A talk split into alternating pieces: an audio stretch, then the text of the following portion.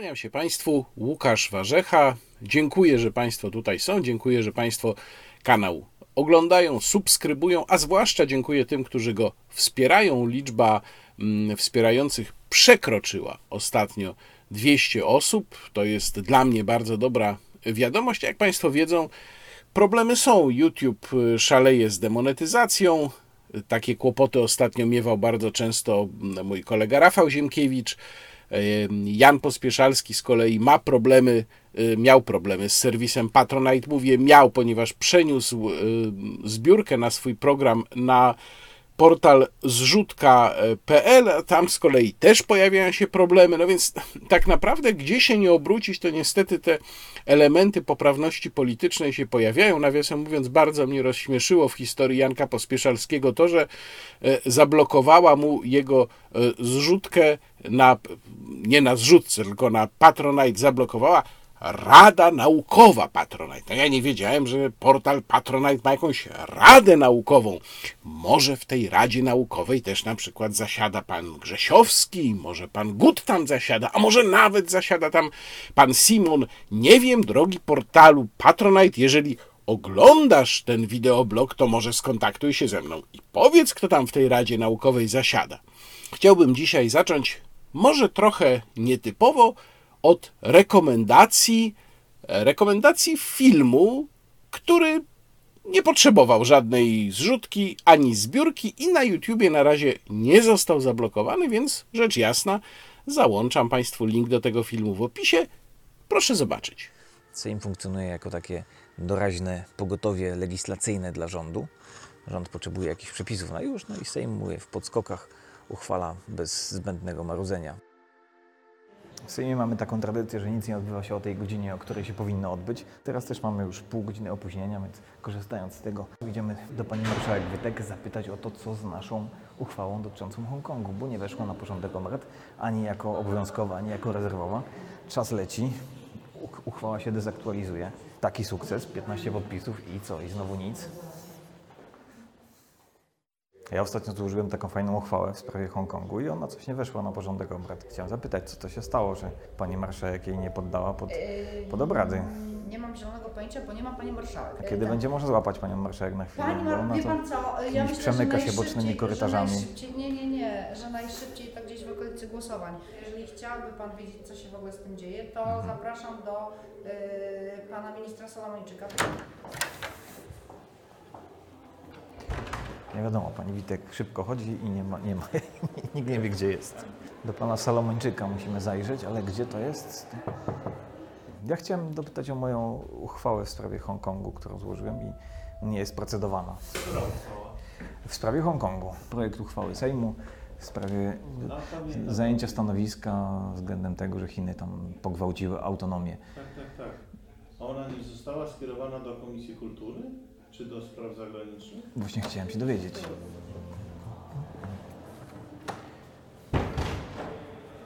Poszło do Komisji Spraw Zagranicznych. Komisja Spraw Zagranicznych musi się tym zająć, więc musimy znaleźć kogoś z Komisji Spraw Zagranicznych i zapytać go o to.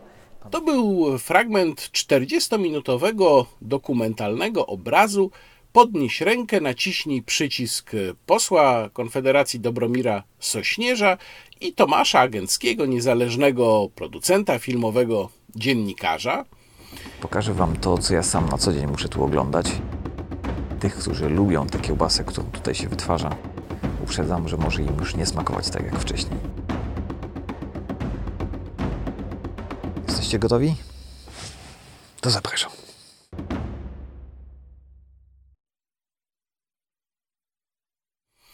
Dla tych z Państwa, którzy znają Sejm od środka, pewnie ten obraz jakimś dużym zaskoczeniem nie będzie. Tu mam na myśli przede wszystkim moich kolegów dziennikarzy, którzy do Sejmu chadzają regularnie, albo tych, którzy wiedzą, jak się robi politykę, bo widzą to przez cały czas trochę od strony mm, kulis.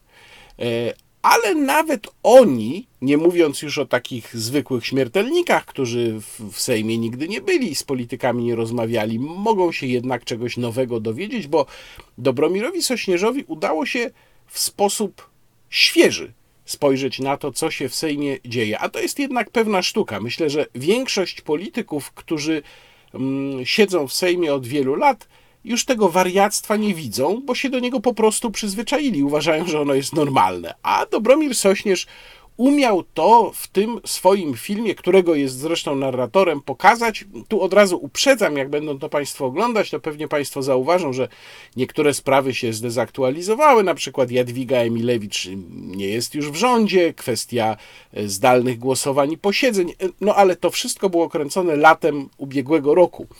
Dlatego właśnie tak to wygląda. To nie zmienia postaci rzeczy, jeżeli chodzi o te najważniejsze stwierdzenia, które e, w tym filmie się znalazły, najważniejsze jego wątki.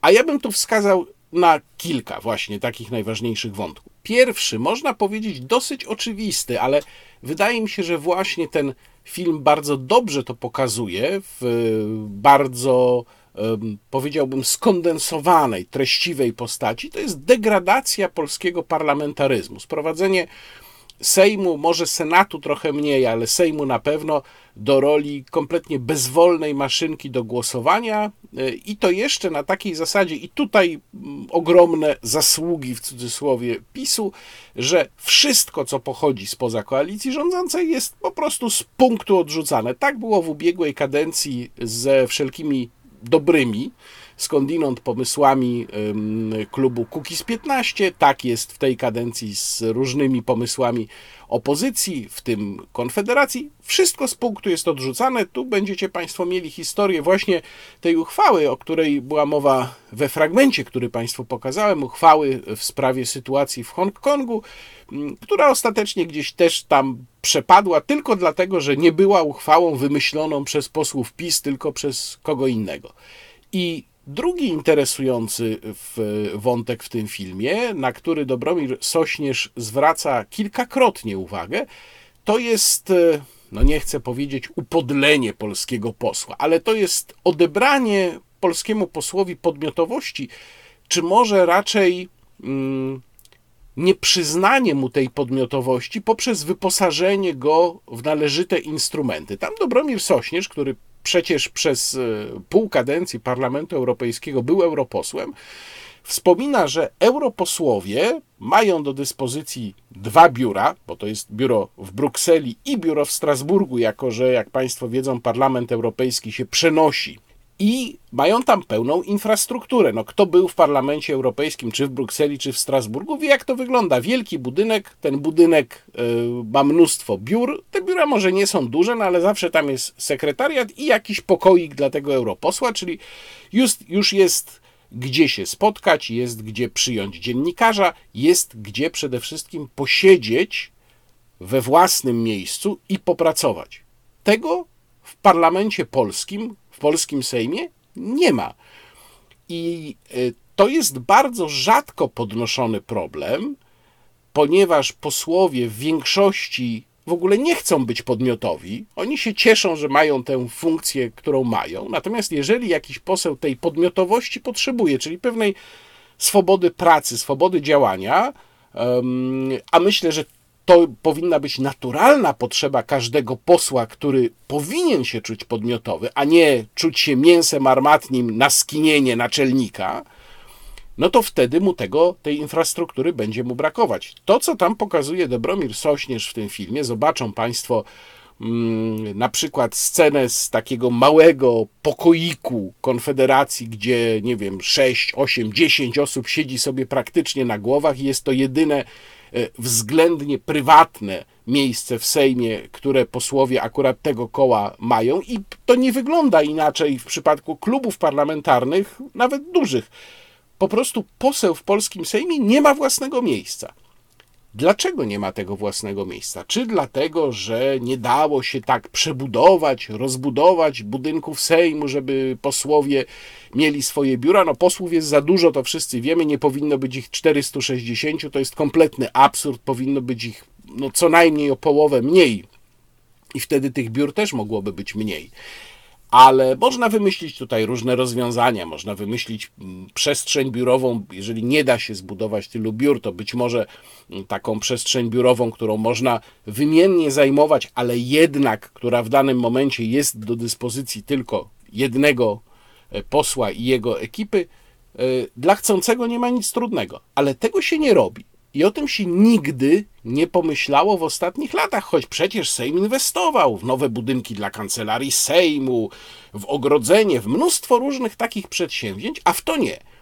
Dlaczego? Ja mam taką tezę, dlaczego to się dzieje. Właśnie po to, żeby posłowie nie byli podmiotowi. To po prostu nie jest w interesie liderów partyjnych, bo poseł, który ma do dyspozycji własne miejsce, własny kawałek podłogi, własne biuro, może być bardziej niezależny. Tam właśnie na miejscu w Sejmie. No bo rzecz jasna posłowie mają swoje biura, no ale mają swoje biura tam, gdzie są ich okręgi. Natomiast y, tutaj, w samym Sejmie, jak tych biur nie mają i muszą tak chodzić po tych korytarzach, gdzieś tam się przytulać, siedzieć na jakiejś kanapie albo w tych zatłoczonych biurach swojego koła czy swojego klubu, e, no to tak jak Dobromir Sośnierz w tym filmie mówi, czują się w zasadzie cały czas gośćmi. Są tu tylko na chwilę, a to nie sprzyja jakimkolwiek podmiotowym inicjatywom.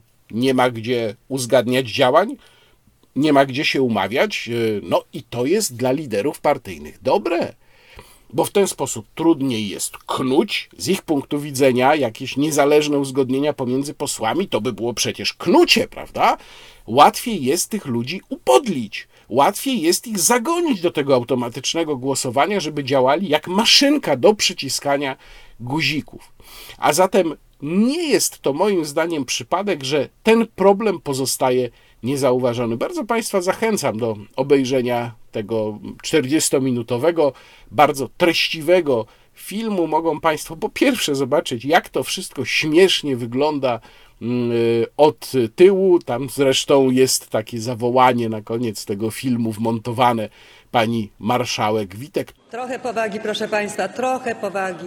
No ja mam wrażenie, że właśnie nie bardzo można tutaj mówić o powadze, zwłaszcza kiedy zajrzymy za kulisy tego przedsięwzięcia, którym jest polski Sejm i gratuluję i Tomaszowi Agenckiemu i Dobromirowi Sośnierzowi tego obrazu i umiejętności spojrzenia z dystansu świeżym okiem. No i ten Sejm, proszę Państwa, zbiera się właśnie na kolejnym posiedzeniu.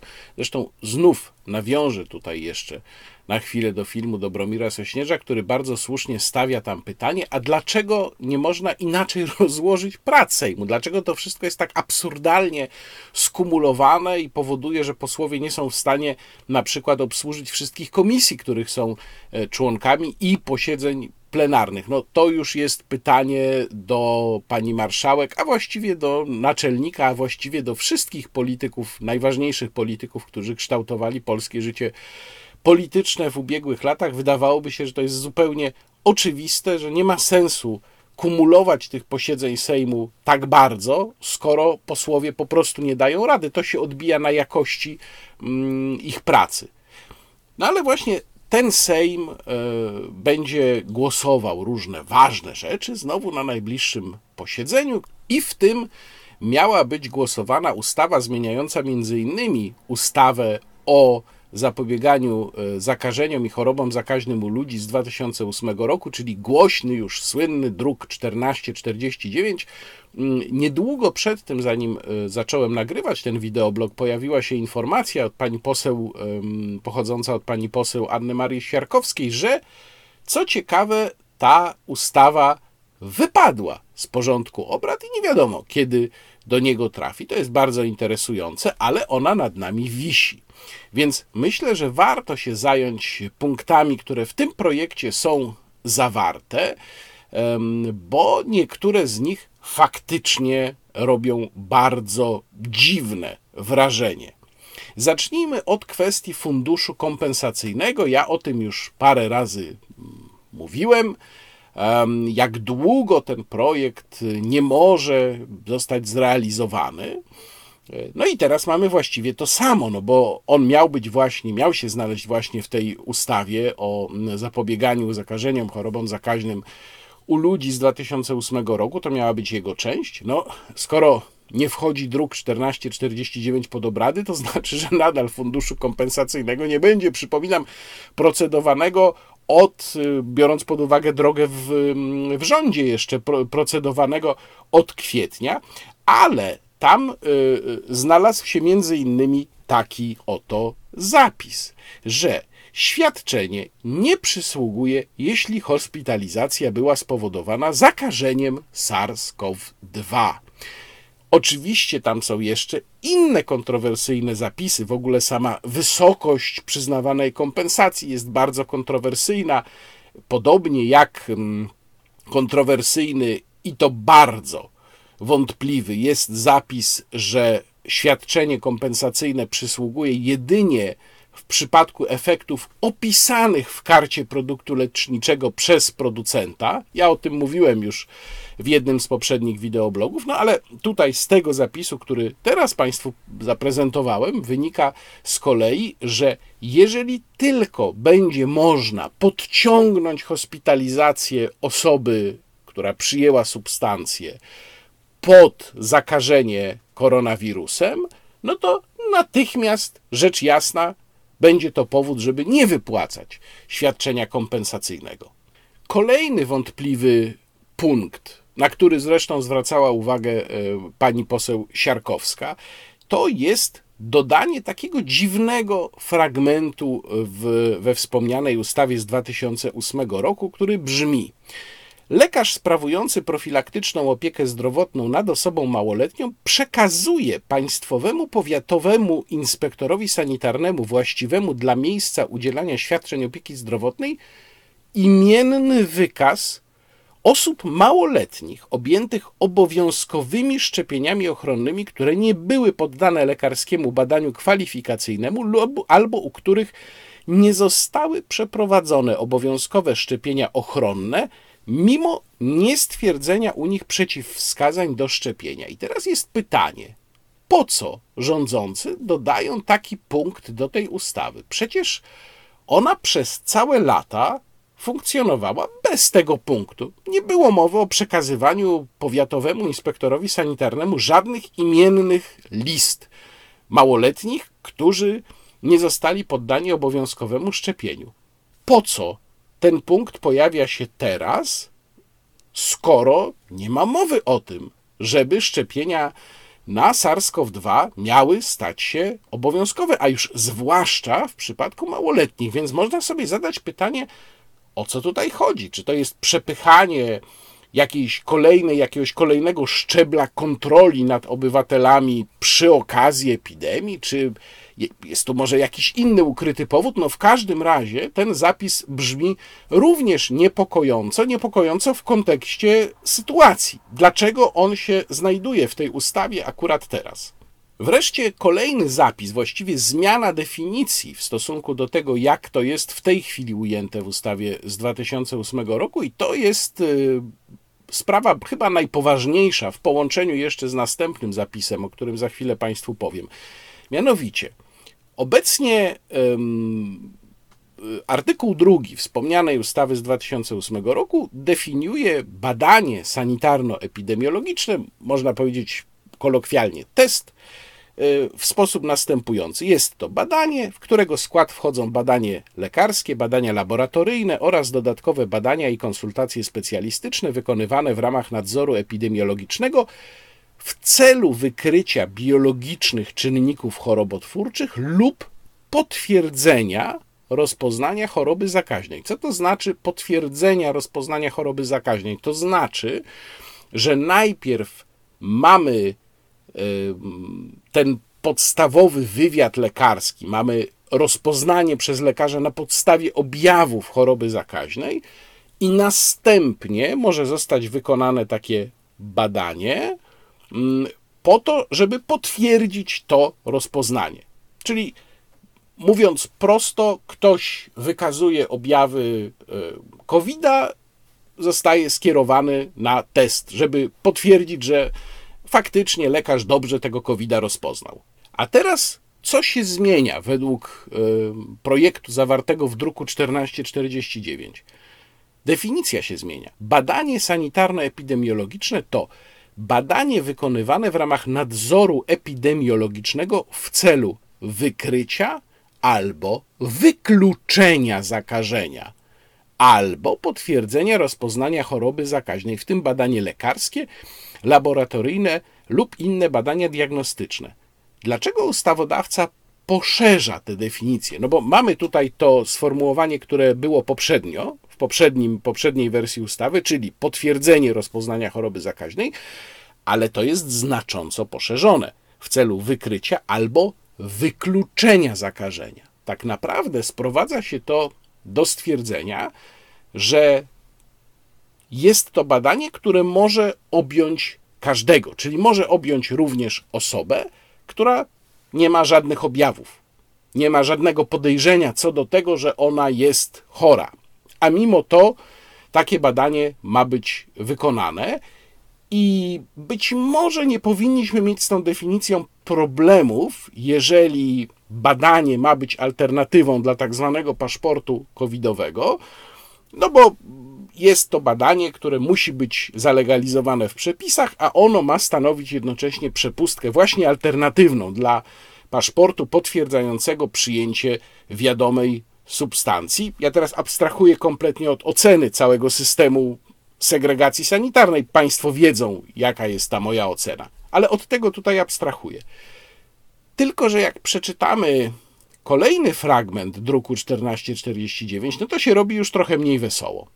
A brzmi on następująco. Otóż w stanie zagrożenia epidemicznego lub w stanie epidemii, a przypomnę, że mamy wciąż stan epidemii, nawet nie zamieniono na stan zagrożenia epidemicznego, mimo bardzo niskie liczby zakażeń, na przykład latem, powiat państwowy powiatowy inspektor sanitarny w drodze decyzji może nałożyć obowiązek poddania się indywidualnemu nadzorowi epidemiologicznemu, w tym poddania się badaniom sanitarno-epidemiologicznym, nie jest powiedziane na kogo. Praktycznie na każdego. Tak wynika z tego zapisu.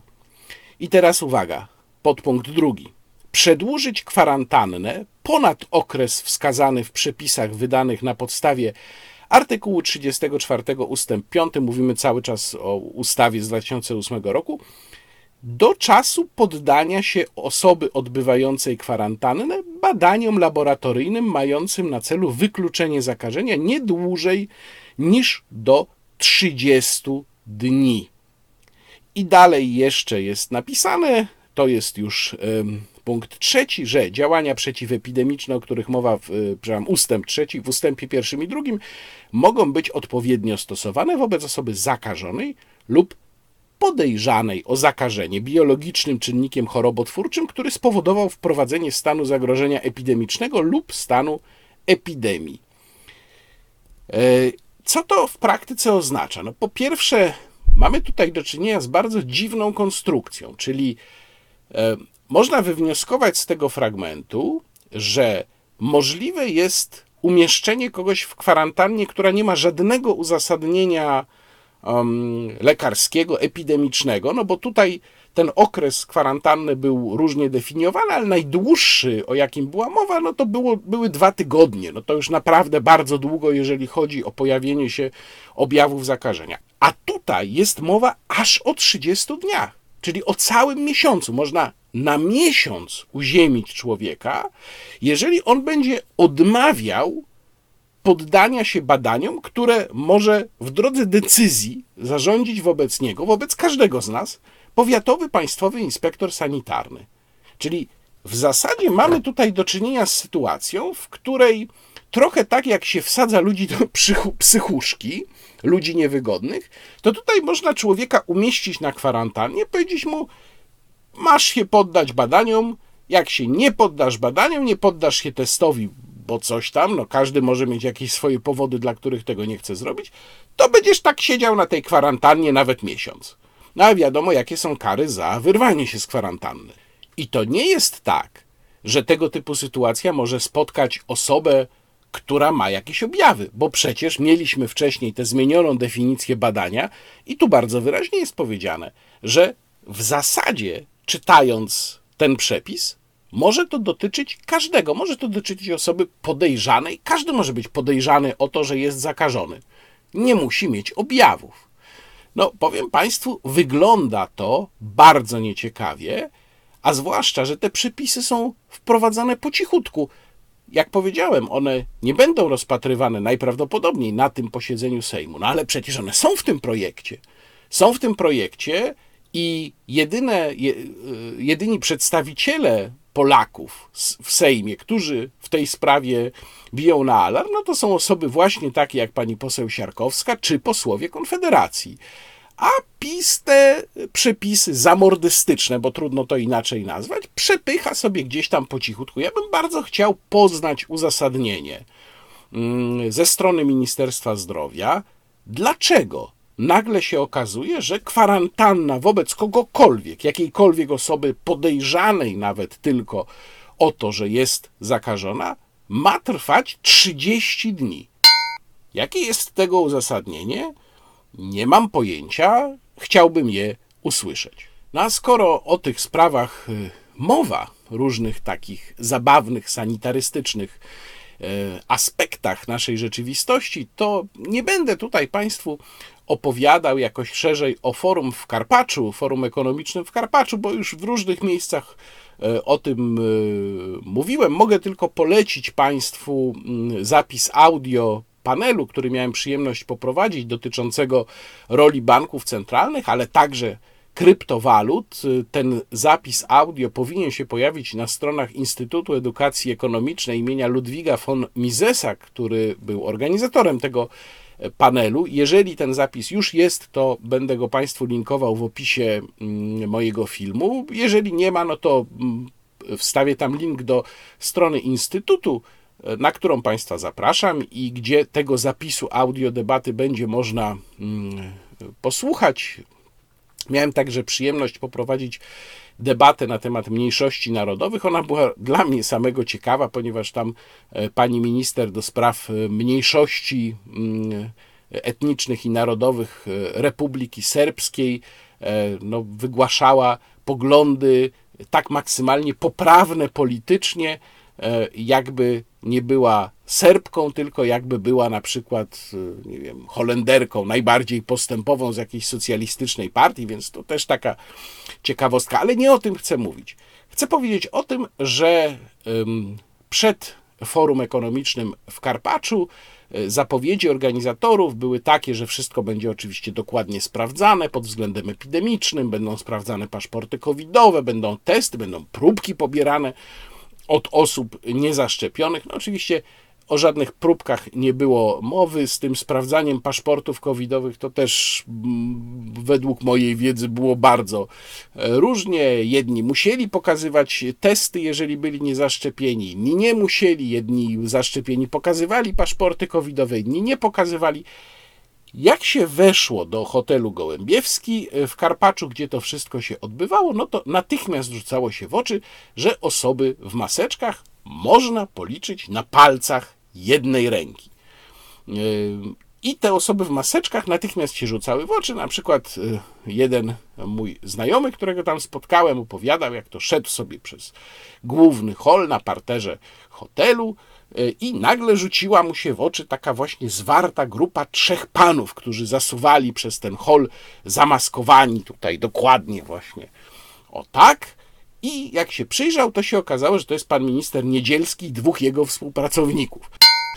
Yy, No więc kto się maskował, to się maskował tam rzecz jasna tylko na pokaz. I yy, Państwo być może widzieli taką scenę, kiedy nie z Karpacza, tylko z jakiegoś pociągu w Polsce, kiedy bohaterscy milicjanci oraz mm, e, funkcjonariusze Straży Ochrony Kolei powalają na ziemię w jakimś pociągu jegomościa, który nie chciał założyć maseczki. Tam klękają na nim, przyduszają go, no bo to groźny bandyta, prawda? I nawiązując, jak rozumiem, do tej sytuacji, pani e, poseł z, e, razem z lewicy, pani Paulina Matysiak napisała takiego tweeta, co się może wydarzyć, kiedy jedziesz pociągiem bez maseczki? Czasem zwróci ci uwagę konduktor albo współpasażer, czasem zainterweniuje policja czy SOK. Co można zrobić, żeby tego uniknąć? Dbać o zdrowie innych i zakładać maseczkę podczas korzystania z transportu publicznego? Nie będę już tutaj mówił o tym, e, jaka jest skuteczność maseczek, jakie mogą być problemy wynikające z ich noszenia. Zostawiam to na boku. Pani poseł Matysiak zasłynęła swego czasu tym, że doniosła na ekipę konkretnego pociągu, która tam nie dość się przykładała do właśnie sprawdzania maseczek. No i ja pozwoliłem sobie w związku z tym napisać do pani poseł. Pani poseł, wielka szkoda, że nie było pani na forum w Karpaczu. Chciałbym zobaczyć, jak woła pani policję do trzech tysięcy gości bez maseczek, w tym do pani kolegi z klubu Krzysztofa Gawkowskiego. Nie sprawdziłem, bo okazuje się, że pani poseł jednak była w Karpaczu. Mało tego, brała tam udział w jakimś panelu. Ale na moje pytanie o to, dlaczego w takim razie nie podjęła interwencji wobec ludzi skupionych na niewielkiej przestrzeni, w zamkniętym pomieszczeniu, w zamkniętym wnętrzu, ewidentnie nie przestrzegających żadnych absolutnie względów y, sanitarnych, czyli tam y, dystansu, właśnie noszenia maseczek, Pani poseł, policja była 50 metrów dalej. Przecież pani doskonale wie, bo pani tam też była, tak jak ja, że policja stała sobie na zewnątrz hotelu i ochraniała całą tę imprezę. No to wystarczyło tam podbiec do tego policjanta i powiedzieć: Panie policjancie, a oni tam w hotelu to wszyscy bez maseczek chodzą. Dlaczego pani tego nie zrobiła? Co się takiego stało? Nie wiem, zabrakło odwagi i determinacji? Pani poseł, proszę nam odpowiedzieć. A skoro o jednej przedstawicielce lewicy było to następny temat, pozwolę sobie zacząć od cytatu, który z pewnością wielu z Państwa bez pudła rozpozna. Ludzkość to całość, jak wiadomo, a nie zaś zbiór, gdzie byle homo może na własną rękę rościć sobie pretensje do wolności. Za filozofa idąc radą, nareszcie sobie to uświadom, że wolność właśnie tkwi w przymusie i z entuzjazmem poddaj mu się, by mogła zapanować równość, trzeba wpierw wdeptać wszystkich w gówno. By człowiek był człowieka bratem, trzeba go wpierw przećwiczyć batem. Wszystko mu także się odbierze, by mógł własnością gardzić szczerze. Ubranko w paski, taczka, kilof, niezwykle życie ci umilą, a gdy już znajdziesz się za drutem, opuści troska cię i smutek i radość w sercu twym zagości, żeś do królestwa wszedł wolności, gdzie wreszcie będziesz żył godziwie, tyrając w twórczym kolektywie.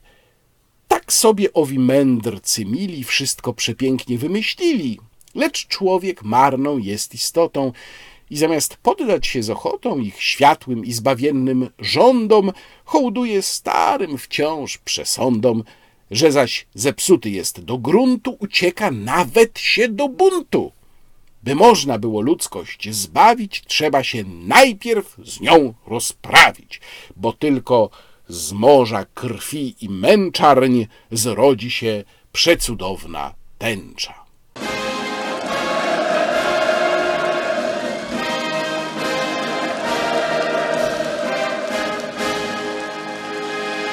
To oczywiście towarzysz szmaciak Janusza Szpotańskiego i jak wszyscy wielcy wieszczowie również Janusz Szpotański okazuje się niezmiennie aktualny. Właśnie od e, fragmentu, mniejszego fragmentu z tego e, cytatu, który Państwu tu przedstawiłem, rozpocząłem swój tekst na portalu Warsaw Enterprise Institute, w którym polemizuje po raz kolejny zresztą z Piotrem Wójcikiem, takim lewicowym publicystą, który mm, pisze zresztą, co ciekawe, i na portalu krytyki politycznej, i w tygodniku Solidarność, co wcale mnie nie zaskakuje, bo przecież tygodnik Solidarność to jest również lewicowa gazeta.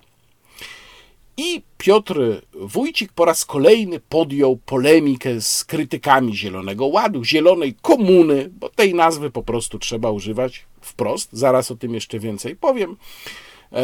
Fit for 55 i pisze o tym, że to wszystko jest takie wspaniałe i to wszystko jest dla naszego dobra. Między innymi pisze tak.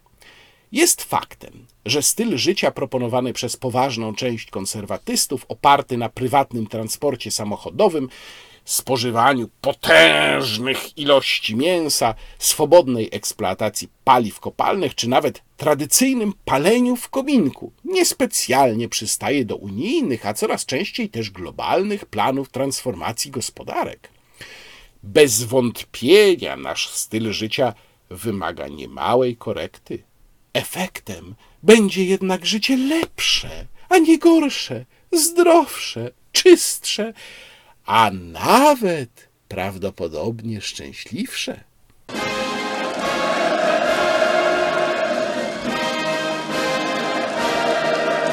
Nadal będziemy pracować, bawić się, podróżować, zakładać rodziny, spotykać się z przyjaciółmi i wychowywać dzieci, które następnie będą się wyprowadzać, żeby samodzielnie robić z grubsza to samo. No z tymi dziećmi to trochę Piotr Wójcik przesadził, bo jak wiadomo jest taki odłam klimatystów, który w ogóle kontestuje posiadanie dzieci, żeby zmniejszyć zatruwanie i niszczenie planety. Ale zwracam Państwa uwagę na moją polemikę z Piotrem Wójcikiem i na ten jego tekst, dlatego że klimatyści coraz bardziej objawiają swoją prawdziwą naturę. Ten tekst to jest po prostu tekst zielonego komunisty, czyli to jest tekst towarzysza, który nie próbuje już nas jakoś specjalnie przekonywać. Znaczy, on nas przekonuje, że to, do czego nas zmuszą zieloni komuniści, to jest dla naszego dobra. Ale założeniem jego wywodów jest to, że my do tego zostaniemy zmuszeni. Nie, że ktoś nas będzie przekonywał po dobroci, zrezygnujcie z tego, może zrezygnujcie z tego, no jak zrezygnujecie z tego, to by było bardzo miło. Nie. Oni nam zakażą, zabronią, ewentualnie narzucą takie koszty, że będziemy musieli z pewnych rzeczy zrezygnować i Piotr Wójcik wtedy wyjdzie i powie, to jest dla waszego dobra. No proszę Państwa, czym to się różni od komuny, tej czerwonej komuny? No przecież kompletnie niczym. Kompletnie. Towarzysz Szmaciak się kłania. A skoro wspomnieliśmy o towarzyszu Szmaciaku, to automatycznie musimy wspomnieć o Gierku 2.0. Jak Państwo myślą, ile czasu można odpowiadać na proste pytanie? Proszę zobaczyć. Kiedy był Pan ostatnio w sklepie spożywczym i czy Pan wie, ile kosztuje obecnie taki zwykły bochenek chleba? Staram się od czasu do czasu robić zakupy właśnie po to, żeby e, w sklepie spożywczym zobaczyć, jakie są ceny. Porównuję je też do cen e, w skupie. Na przykład bardzo ważne jest dzisiaj takie zjawisko, no pani mnie pyta o ceny w sklepie, czy o ceny e, rosnące, natomiast po drugiej stronie są rolnicy.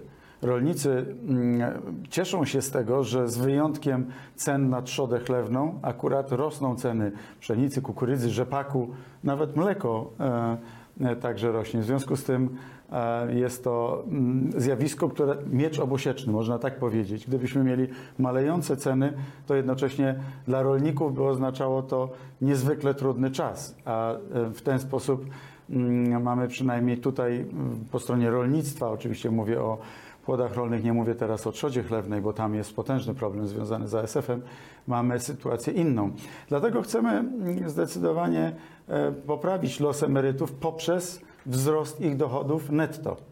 Bo emerytura bez podatku do 2,5 tysiąca złotych oznacza, że w kieszeni emeryta może miesięcznie zostać e, sto kilkadziesiąt złotych, nawet 200 złotych, w zależności od poziomu e, emerytury. I to jest rzecz, o którą ja z kolei pytałem emerytów bardzo często na moich spotkaniach w domach seniora, bardzo licznych spotkaniach z emerytami, czego oni oczekują. I to było bardzo często pojawiające się hasło. Przypominam, bo można się było tam w pewnym miejscu już pogubić, że pytanie było o to, ile kosztuje bochenek chleba. I potem był trwający e, 88 sekund wywód, w którego żadnym miejscu Gierek 2.0 nie powiedział, ile ten bochenek chleba kosztuje. Ale trzeba wiedzieć, że to pytanie o cenę bochenka chleba zostało zadane w kontekście wcześniejszego wspomnienia o rosnącej inflacji. To jest fragment, którego już Państwu nie pokazałem, ale tam wcześniej pan premier em, miłościwie nam panujący mówi o tym, że on ma nadzieję, tak niepokoi go, to ma nadzieję, że bank centralny podejmie odpowiednie kroki, czyli pytanie o cenę chleba właśnie było zadane w kontekście inflacji. I teraz, co ten geniusz ekonomiczny, który kieruje naszym rządem, nam mówi? Ano, on nam mówi, że no tak, jest inflacja, no bo ten bochenek chleba, można tak wywnioskować z tej mm, wypowiedzi, no cena rośnie, to prawda, no ale przecież jak cena bochenka chleba rośnie, to rolnicy dostają więcej, więc rolnicy się cieszą. I teraz ja się zastanawiam, znów kolejny raz się zastanawiam, jak to jest możliwe, że człowiek o takim pojęciu ekonomii, takiej wiedzy ekonomicznej, pracował przez tyle lat w banku i go z tego banku nie wyrzucili. No nie wiem, być może on gra, być może to jest tylko taka komedia, no to jest rzecz jasna możliwe. Albo może jest to jakiś nowy rodzaj postępowej, progresywnej ekonomii, bo każdy, kto rozumie pojęcie inflacji, wie, że to nie jest tak, że inflacja działa wybiórczo, na przykład tylko na klienta sklepu spożywczego. Czyli klient sklepu spożywczego przychodzi, kupuje bochenek chleba, który mu podrożał, ale rolnik dostaje dzięki temu więcej pieniędzy i temu rolnikowi już nic nie podrożało. On ma po prostu więcej pieniędzy. Tylko inflację odczuwa ten kupujący chleb. No przecież to jest jakiś kompletny absurd. Jeżeli mamy inflację, inflację, ogólny wzrost cen w różnych sektorach gospodarki, to rolnik również to odczuwa. No owszem, może rolnik dostanie za swoje zboże w skupie więcej, ale więcej zapłaci za benzynę, więcej zapłaci za energię, więcej zapłaci za własne zakupy spożywcze, więcej zapłaci za wyprawkę dla dziecka, więcej zapłaci za ubrania, bo jest inflacja. Panie premierze, halo, czy ja mogę panu udzielić jakichś korepetycji z podstawowych pojęć ekonomii? Jakkolwiek ja studiów ekonomicznych nie skończyłem, ale jednak mniej więcej łapię, na czym polega inflacja. Pan nie łapie? I tu chciałbym przejść do pytania, które Państwo mi zadawali wielokrotnie w komentarzach, y, na Twitterze również, kiedy wspominałem, że w Polsce nie ma potencjału buntu. No bo jak pan premier mówi o tej inflacji, inflację wszyscy odczuwamy, za chwilę będziemy mieli potężny wzrost cen energii. Wiemy już, bo to powiedział szef Urzędu Regulacji Energetyki, że będą to wzrosty, odnosząc się do procentów oczywiście, że będą to wzrosty dwucyfrowe. No, nie powiedział dwucyfrowe w jakim zakresie, więc nie wiem, może i 30%. No, w każdym razie wiemy, że firmy energetyczne ze względu na szaleńczy wzrost cen uprawnień do emisji CO2 były zmuszone zawnioskować do URE o duże, naprawdę duże podwyżki, więc za chwilę ludzie to odczują. I można sobie zadać pytanie, dlaczego Polacy się czynnie nie buntują? Dlaczego Polacy się nie buntowali również w momencie, kiedy mm, były najostrzejsze restrykcje epidemiczne? Bo owszem, no mieliśmy tam jakieś protesty, ale powiedzmy sobie szczerze, te protesty ani nie były specjalnie duże, ani też często no, nie były jednak organizowane pod takimi hasłami, które by takiego przeciętnego, rozsądnie myślącego człowieka mogły zachęcić do tego, żeby się w te protesty włączyć. Ja, nawiasem mówiąc, mam wrażenie, że bardzo często przy tego typu okazjach jakieś bardzo dziwne osoby się pojawiają. Pytanie brzmi, dlaczego Polacy czynnie się nie buntują? Widzieliśmy w ciągu ostatnich lat właściwie tylko dwa, no może trzy momenty, które sprawiały wrażenie takiego trochę poważniejszego, trochę bardziej masowego buntu, ale ja powiedziałbym jednak ograniczonego ilościowo. To znaczy, najpierw to były protesty w lipcu 2017 roku dotyczące mm, reform, tak zwanych reform sądownictwa. E, to był protest czarnych parasolek i, i potem strajk kobiet, e, kwestia orzeczenia Trybunału Konstytucyjnego. Tylko, że wszystkie te kwestie należą do sfery czysto ideologicznej. One nie należą do sfery, która by nas bezpośrednio dotykała. Można by z tego wywnioskować, że jest jakaś grupa Polaków, która się będzie buntowała w związku z czysto ideologicznymi sprawami, ale nie będzie się już buntowała w związku z tym, co wydawałoby się, że jest najlepszym powodem do otwartego protestu obywatelskiego. Pieniądze, podatki, ograniczenia wolności. Tutaj nie ma za bardzo takiego efektu. Dlaczego? Pytają mnie Państwo, dlaczego. Ja będę o tym pisał w kolejnym numerze do rzeczy i zapraszam już do lektury tego tekstu w kolejny poniedziałek, ale tutaj krótko powiem Państwu, y, jaka jest moja teza. Otóż moja teza jest taka, że w Polakach nie ma tego potencjału buntu z powodów historycznych. Tak naprawdę bunty, o których my dzisiaj myślimy,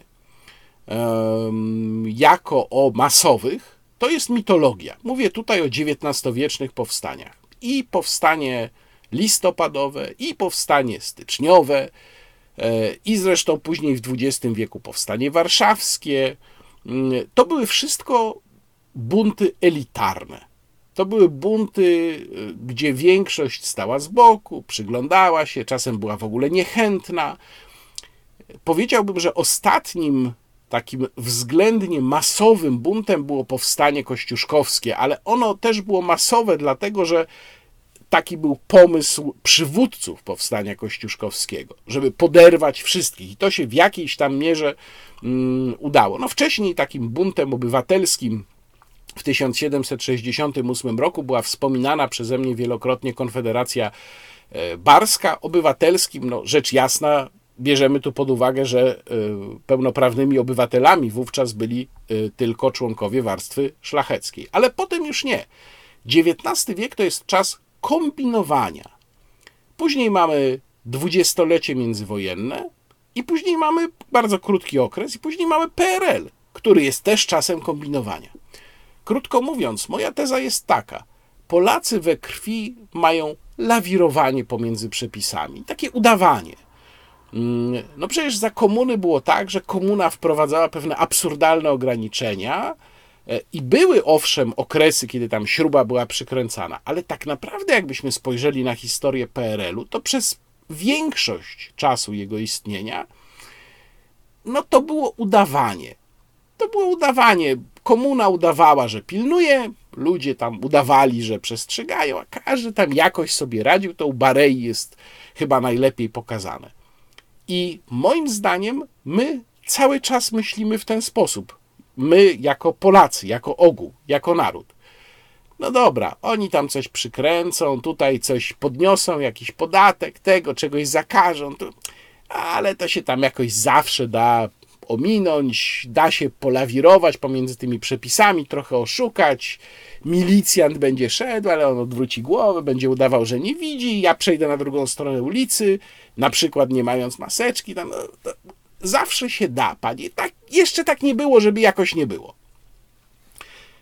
I to nie jest moim zdaniem dobre, bo powoduje po pierwsze dramatyczny zjazd autorytetu państwa, bo wszyscy udają, państwo udaje, że coś tam robi, obywatele udają, że szanują państwo i przestrzegają przepisów, wszyscy udają, ale po drugie, jeżeli nie ma potencjału obywatelskiego buntu w sprawach takich właśnie naprawdę ważnych, nie tych ideologicznych, nie, tych post, nie, w sprawie tych postulatów, pod którymi strajkował, strajkował y, ogólnopolski strajk kobiet, czy protestował ogólnopolski strajk kobiet, tylko właśnie tam, gdzie chodzi o takie najbardziej podstawowe obywatelskie wolności albo o wolność gospodarczą, nie ma potencjału na prawdziwy obywatelski protest, to władza też nie ma powodu, żeby się zebrać do kupy, żeby zareagować, żeby zmienić swoje postępowanie. No bo władza będzie robiła swoje, tu trochę wyciśnie rzeczywiście, tutaj jakąś grupę przydusi, ale tylko grupę, a inne grupy nadal będą omijać i lawirować, no i tak jakoś się da. Więc takie jest moje wyjaśnienie. Wyjaśnienie powiedziałbym historyczno-charakterologiczne i konkluzja jest bardzo smutna. Ja myślę, że pod tym względem znacznie lepiej sytuacja wygląda wbrew pozorom w państwach takich jak Francja, jak Włochy, jak Wielka Brytania, gdzie ludzie w sytuacji, kiedy dzieje się coś, co im nie odpowiada, po prostu wychodzą na ulicę, bo nie są nauczeni tego, że można jakoś tam zakombinować. To jest oczywiście duży spór. Jaki wzór zachowania, jaki wzór charakteru narodowego jest lepszy. I dopuszczam, że wielu z Państwa może się ze mną nie zgadzać. Sam zresztą nie jestem tak stuprocentowo przekonany, czy faktycznie oceniając, że to jest gorszy wzór zachowania, mam rację. Ale taka jest moja teza, taka jest moja ocena w tej chwili i jeszcze raz zachęcam do lektury tekstu, który ukaże się w kolejnym wydaniu tygodnika do rzeczy. Teraz inna jeszcze rekomendacja. Zaczynałem ten wideoblog od rekomendacji filmu Tomasza Agenckiego i Dobromira Sośnierza, a teraz mój y, kolega od wielu lat, który podjął bardzo ważną życiową decyzję. Proszę zobaczyć. Dzień dobry Państwu. Nazywam się Igor Jankę. Po kilku latach wracam do dziennikarstwa. Zapraszam Państwa do słuchania i oglądania mojego autorskiego podcastu Układ Otwarty. Chcę, by różnił się on od tego, co dominuje w polskiej debacie i polskich mediach. Żyjemy w trudnym czasie. Podziały rosną, polaryzacja ciągle postępuje, a im bardziej nasila się walka między dwoma obozami, tym mniej jest przestrzeni do rzetelnego opisywania rzeczywistości. Dominują partyjne i ideologiczne przekazy. Ludzie zamykają się w swoich bańkach. Ja chcę wyjść poza tę plemienną wojnę. W tym programie nie będę ani o nic walczył, ani do niczego przekonywał, a jedynie próbował zrozumieć, co się dzieje wokół nas. To Igor Jankę. Igor Jankę wrócił do dziennikarstwa w sposób e, trochę nietypowy, no bo nie wrócił do pracy w żadnej redakcji, tylko nagrywa podcasty. Zachęcam Państwa, żeby tych podcastów posłuchać, dać Igorowi szansę. Ja zresztą też tam się być może będę jakoś przewijał gdzieś w tych programach Igora. Natomiast przede wszystkim zachęcam Państwa do tego, dlatego że mm, Igor Jankę, e, jakkolwiek przez parę lat w dziennikarstwie go nie było, ale ja znam Igora, wiem, że on się pod tym względem nie zmienił i mm, to jest dziennikarz, który próbuje przekraczać, tak jak zresztą mówi w, tym, w tej swojej zapowiedzi, próbuje przekraczać granice, przekraczać granice baniek. To jest e, trochę ten przypadek, co Grzegorz Sroczyński, który również bardzo konsekwentnie to robi i ja go za to bardzo szanuję. Z tego punktu widzenia na pewno warto podcastów Igora Jankego posłuchać. Do czego namawiam i zachęcam. No i teraz już dział kulturalny, a w dziale kulturalnym muszę Państwu powiedzieć o moim, e, no nie chcę, nie chcę tego nazywać wielkim odkryciem, bo ja o tym miejscu wiedziałem, ale jakoś nie udawało mi się tam trafić, a udało mi się dzięki właśnie pobytowi w Karpaczu na Dolnym Śląsku. Nawiasem mówiąc, pozdrawiam cały Dolny Śląsk i wszystkich jego mieszkańców, bo jest to w ostatnich latach mój absolutnie ulubiony region Polski tak nasycony ciekawymi miejscami, że mimo, że naprawdę dużo już po Dolnym Śląsku jeździłem, to wciąż myślę, że jakąś tam małą część tego zobaczyłem. A mówię tutaj o Krzeszowie. Krzeszów to jest y, miasto, które, o, których, o którym pierwsze wzmianki pojawiły się w XIII wieku, i to były wzmianki właściwie od razu powiązane z obecnością cystersów w tym miejscu. Kiedy dzisiaj tam przyjedziemy, to nad wszystkim góruje cysterskie opactwo i dobrze mają Państwo skojarzenia, jeżeli takie Państwo mają, z Lubiążem, o którym opowiadałem wielokrotnie. Tam też było opactwo cystersów. Tam, przypominam, mieszkał i pracował śląski Rembrandt, czyli Mikael Wilman, i on również pracował od pewnego momentu dla opactwa cystersów w Krzeszowie. Tylko różnica polega na tym, że po Wilmanie bardzo niewiele zostało w Lubiążu, no bo większość niestety budynków jest tam zrujnowana, a jego najwybitniejszy cykl, czyli męczeństwo apostołów, zniknęło ze zrujnowanego niestety kościoła klasztornego w Lubiążu.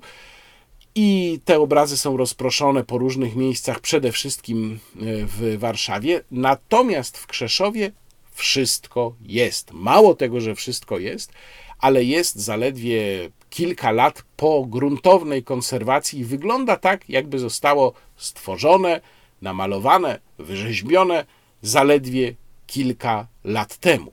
To, co Państwo zobaczą, wchodząc na teren dawnego opactwa, czyli naprzeciwko e, bramy będzie to kościół pod wezwaniem e, w niebowzięcia Najświętszej Maryi Panny z imponującą, bardzo ciekawą fasadą, a po lewej stronie to będzie kościół pod wezwaniem świętego Józefa.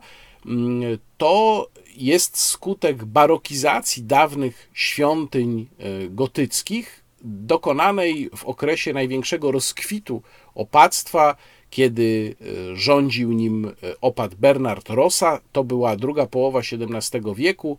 Po zniszczeniach wojny, między innymi wojny trzydziestoletniej, mm, opactwo podniosło się, miało swój złoty okres i przede wszystkim, jeżeli Państwo chcą zobaczyć być może najwybitniejsze dzieło Mikaela Wilmana, to proszę e, zwiedzić kościół świętego Józefa. Ten mniejszy i z wyglądu bardziej niepozorny. Pierwsza rzecz, którą mogą Państwo zauważyć od razu, jeżeli są Państwo uczuleni na takie kwestie, to jest to, że kościół świętego Józefa stoi pod jego osi, jest pod kątem prostym w stosunku do mm, bazyliki e, mniejszej, czyli kościoła pod wezwaniem Najświętszej Marii Panny. Co to oznacza?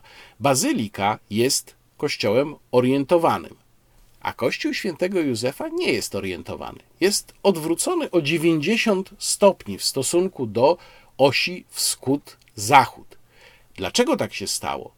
Otóż dlatego, że on był od razu przebudowywany, tak naprawdę budowany po prostu od nowa, z myślą o tym, żeby słońce dobrze oświetlało ilustracje malarskie, które miały się znaleźć w arkadach naw tego kościoła.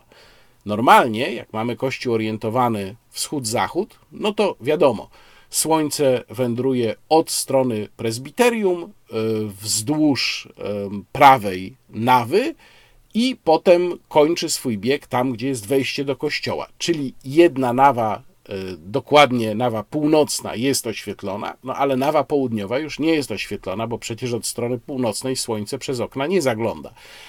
A w kościele świętego Józefa chodziło o to, żeby słońce wschodząc oświetlało jedną stronę, zachodząc oświetlało drugą stronę, drugą, ścianę drugiej nawy. I to miało swój głęboki sens. Jak Państwo wejdą do tego kościoła, to naprawdę można oniemieć. To jest świątynia, mówię bez przesady, której dekoracja e, malarska, polichromiczna jest na poziomie najpiękniejszych kościołów rzymskich. Naprawdę nie ma żadnego wstydu. Można by spokojnie ten kościół przenieść do Rzymu i pewnie byłby tam jednym z najwspanialszych zabytków. Na sklepieniu, w przęsłach sklepienia, zobaczą Państwo cykl malarski przodków świętej rodziny. Zobaczą Państwo w retabulum ołtarzowym, y, to jest wszystko dzieło Wilmana, w retabulum ołtarzowym zobaczą Państwo bardzo duży, y, nawet można powiedzieć gigantyczny, y, gigantyczną polichromię Epifania, czyli pokłon trzech króli. I najważniejsza rzecz w tym kościele to jest cykl właśnie w arkadach nawy. W tej sytuacji to będzie nawa wschodnia i zachodnia. W arkadach obu tych naw to jest cykl trosk i cykl e, radości świętego Józefa. I cykl radości świętego Józefa jest oświetlany w porze przedpołudniowej, a cykl trosk świętego Józefa w porze popołudniowej, czyli kiedy słońce zbliża się do zachodu. Cała dekoracja malarska kościoła jest niezwykle spójna. To jest taki, powiedziałbym, podręcznikowy przykład spójnego programu malarskiego, który pokazuje, jak w dobie kontrreformacji za pomocą dekoracji świątyni opowiadano historię, jak rysowano, jak tworzono coś, co dzisiaj można by nazwać być może takim komiksem wiary. E, Cała dekoracja jest podporządkowana postaci świętego Józefa i jego roli w całym programie zbawienia i roli u boku Matki Bożej i samego Chrystusa. Natomiast jest tam też dużo smaczków i ciekawostek. Ja powiem Państwu tylko o trzech, pozostałe mogą Państwo sami znaleźć, a zwłaszcza już, jeżeli kupią Państwo taki przewodnik, który bardzo Państwu polecam, Krzeszów Dom Łaski e, Maryi. Naprawdę porządna, bardzo e, solidnie wydana i bogato ilustrowana książka, z której mnóstwo można się dowiedzieć i polecam zresztą e, przeczytanie jej zanim się wejdzie do obu kościołów lub ewentualnie mm, w trakcie zwiedzania, tak jak ja zrobiłem. Trzy ciekawostki, które obiecałem, dotyczące polichromii Mikaela Wilmana. Po pierwsze, jak znajdą Państwo obraz w cyklu Troski świętego Józefa pokazujący ucieczkę do Egiptu, to w tle jest bardzo swojski dolnośląski krajobraz, a rozszyfrowano, że sylwetka miasta, które widać tam właśnie za świętą rodziną, to jest sylwetka Bolkowa. A zatem nie jakieś miasto w Ziemi Świętej i nie roślinność z Ziemi Świętej, tylko swojska dolnośląska roślinność i dolnośląski krajobraz. Inna ciekawostka to jest nieduży obraz w podłuczu, w jednym z podłuczy właśnie arkad tam w cyklu Trosk Świętego Józefa, gdzie Matka Boża namalowana jest w klasycznym, barokowym stroju, nawet w kapeluszu. E, I chyba takiego drugiego obrazu Matki Bożej w kapeluszu, typowym dla XVII wieku, dla XVII-wiecznej mody damskiej, nigdzie nie widziałem. No i wreszcie trzecia ciekawostka dotyczy samego Wilmana. Otóż Wilman, e, kiedy malował ten e, cały cykl ilustracyjny, dekorował cały kościół, no, podobno zdarzało mu się nie do końca przykładać do pracy bardzo często e, spędzał czas zamiast na malowaniu, to nad e, kuflem piwa, bo cystersi przecież ważyli bardzo dobre piwo e, w nieodległej gospodzie. No w związku z tym opat postanowił zamykać Wilmana w kościele, ale to też jakoś nie do końca przyniosło ten rezultat, o który chodziło, więc przydał mu do opieki takiego braciszka, który miał być swego rodzaju przyzwoitką i tam Wilmanowi mówić właśnie, jak powinien się zachowywać, że powinien pracować, ora et labora, wiadomo. I ten palec tu pokazuje Państwu nie bez przyczyny, bo ten braciszek miał taki podobno nawyk, właśnie no, charakterystyczny e, dla na przykład nauczycieli akademickich czy osób wygłaszających kazania, że tym paluszkiem tam Wilmanowi groził i tam wskazywał zawsze, jak mu coś opowiadał.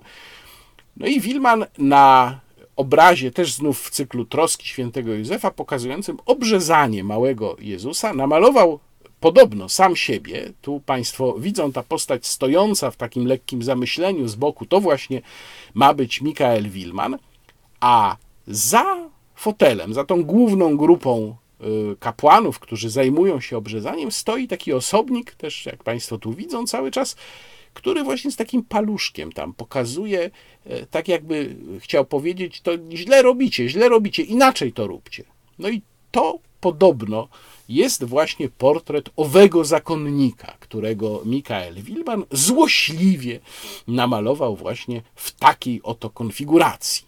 Prócz kościoła świętego Józefa trzeba rzecz jasna wejść do Bazyliki Mniejszej, do kościoła pod wezwaniem Najświętszej Maryi Panny, bo tam dekoracja malarska to już nie jest autorstwa Wilmana, malarska ale też cała koncepcja architektoniczna tej świątyni jest również bardzo spójna i też jest rodzajem jednej dużej opowieści, która miała wiernych utwierdzić w wierze, opowieści wynikającej z idei kontrreformacyjnej. Są tam zresztą również bardzo ciekawe organy, które na szczęście zostały y, zderomantyzowane, ponieważ czasem organom e, barokowym e, nadawano rys dźwiękowy romantyczny w XIX wieku i to niszczyło ich oryginalny dźwięk. Tutaj e, organom przywrócono mm, w ciągu ostatnich kilkudziesięciu lat, czy kilkunastu nawet, jeśli dobrze pamiętam, przywrócono im ten, ten rys dźwiękowy barokowy, czyli oryginalny. Mm, no i koniecznie trzeba również wstąpić do mauzoleum Piastów Śląskich. E, wybitne, bardzo spójne znów dzieło architektury, które również mogłoby być spokojnie przeniesione na przykład do Rzymu, czy do Madrytu, czy do Paryża, bez żadnego wstydu. Tam na dwóch bogato ilustrowanych kopułach E, bogato polichromowanych kopułach tego mauzoleum mamy zilustrowaną historię opactwa, historię nadań, które umożliwiły powstanie opactwa i potwierdzeń, potwierdzeń tych nadań, co miało duże znaczenie w epoce, kiedy nieuchronnie zbliżały się e, kasaty klasztorów, a mnisi musieli czasem toczyć bardzo uciążliwe procesy o swoje dobra. Krzeszów, e, absolutna barokowa perła. Bardzo, bardzo Państwa namawiam do odwiedzin, e, a najlepiej zrobić to w połączeniu z odwiedzinami w Lubiążu, chociaż proszę pamiętać, że były to w pewnym okresie konkurencyjne opactwa, wtedy kiedy w Krzeszowie Bernard Rossa rządził, a w Lubiążu y, opat Freiberger, no to podobno ci opaci ze sobą raczej konkurowali niż współpracowali. Wtedy Michael Wilman y, no, nie był dopuszczony do pracy w Krzeszowie, to dopiero po śmierci opata Freibergera, tego lubiąskiego opata, stało się możliwe. Y, A więc zachęcam, koniecznie, koniecznie Krzeszów i w ogóle zachęcam do odwiedzin na Dolnym Śląsku. Ale również zachęcam do odwiedzin niedługo na Podkarpaciu.